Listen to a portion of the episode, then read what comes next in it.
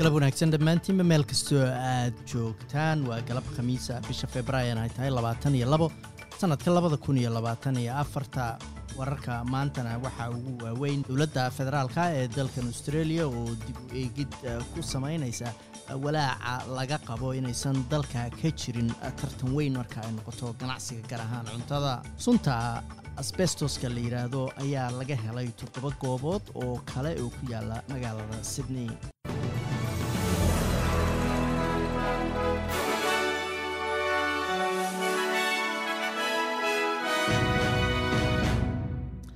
dowladda federaalka ayaa ka walaacsan in tartan badan uusan ka jirin dhaqaalaha dalkan australia oo shirkado gaari ay markaasi waxyaalo badan iyagu maamulaan. Gargaar looga sameeyo dadka maciishada ayaa ahaa ajandayaashii siyaasadeed ee ugu weynaa dalka sanadkan iyadoo warbixin dhowaan ka soo baxday golaha ururada shaqaalaha ee dalkan australia ay ogaadeen in tartan la'aanta ka jirta dhanka ganacsiga cuntada ay tahay midda mas'uulka ka ah sicir bararka ballaaran ee dalka ka dhacay dowladda ayaa bilowday inay dib u eegid ku sameynayso qiimaha cuntada ee dukaamadaas oo ay gadaan waxayna hay'adda joyce u xil saartay inay saddexdii biloodba mar isu barbardhigto qiimaha cuntada dukaamada kala duwan ee dalka. Ayna markaasi warbixin ka soo saarto. Toddoba goobood oo dheeraada oo ku yaalla gobolka new south wales ayaa laga helay sunta asbestoska la yidhaahdo goobahaasna waxaa ka mid a cisbitaal carruurta iyo goob markaasi debdemiska uu leeyahay. Waxaana goobahaasi ay ku yaalaan bartamaha magaalada sydney iyo koonfur galbeed magaalada. Tirada goobaha laga helay asbestoska sunta la yidhaahdo ayaa hadda gaaraysa konton iyo afar iyadoo siddeed boqol iyo kow goobood oo laga baarayna laga waayey asbeestadaasi asbeestada ayaa la sheegaa inay keento xanuuno ay ku jiraan kansarku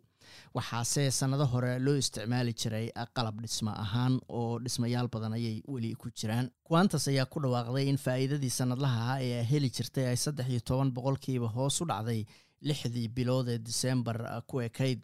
Iyadoo sababtu ay tahay ayaa la yiray qiimaha diyaaradaha tigidhadooda oo hadda hoos u dhacay. Shirkaddan diyaaradda ayaa sheegtay in hal dhibic laba shan bilyan oo dollar kadib markay canshuurta bixiso ay heshay lixdii bilood ee disembar ay ku ekayd. Taasoo ka yar baa layidhi boqol iyo siddeetan iyo saddex milyan ama labaiyo toban dhibic sideed boqolkiiba marka loo eego sannadkii ka horreeyey waddada weyn ee nuulambar ee gobolka west australia ayaa la xiray kadib dab ballaaran oo la xakameyn layahay oo halkaasi ka qarxay dadka waddadaasi ku saf ayaa lagula talinayaa inay ka fiirsadaan qorshahooda safar iyadoo waddada weyn kale air highway la yidhaahdo sidoo kale la xiray inta u dhaxaysa nosman iyo saguna hay'adaha deg dega ee gobolka victoriana waxay isu diyaarinayaan xaalad cimilo oo aada u daran. Toddobaad uun kadib markii dabab iyo duufaano ay dhulka dhigeen guryo badan ama burburiyeen sidoo kalena nus milyan guryo iyo ganacsada korontada ay markaasi ka goday. Xaraaradda ayaa la filayaa inay maanta afartan digrii gaarto meelaha qaarkood gobolkan victoria iyadoo duufaano la filayo galabnimadiina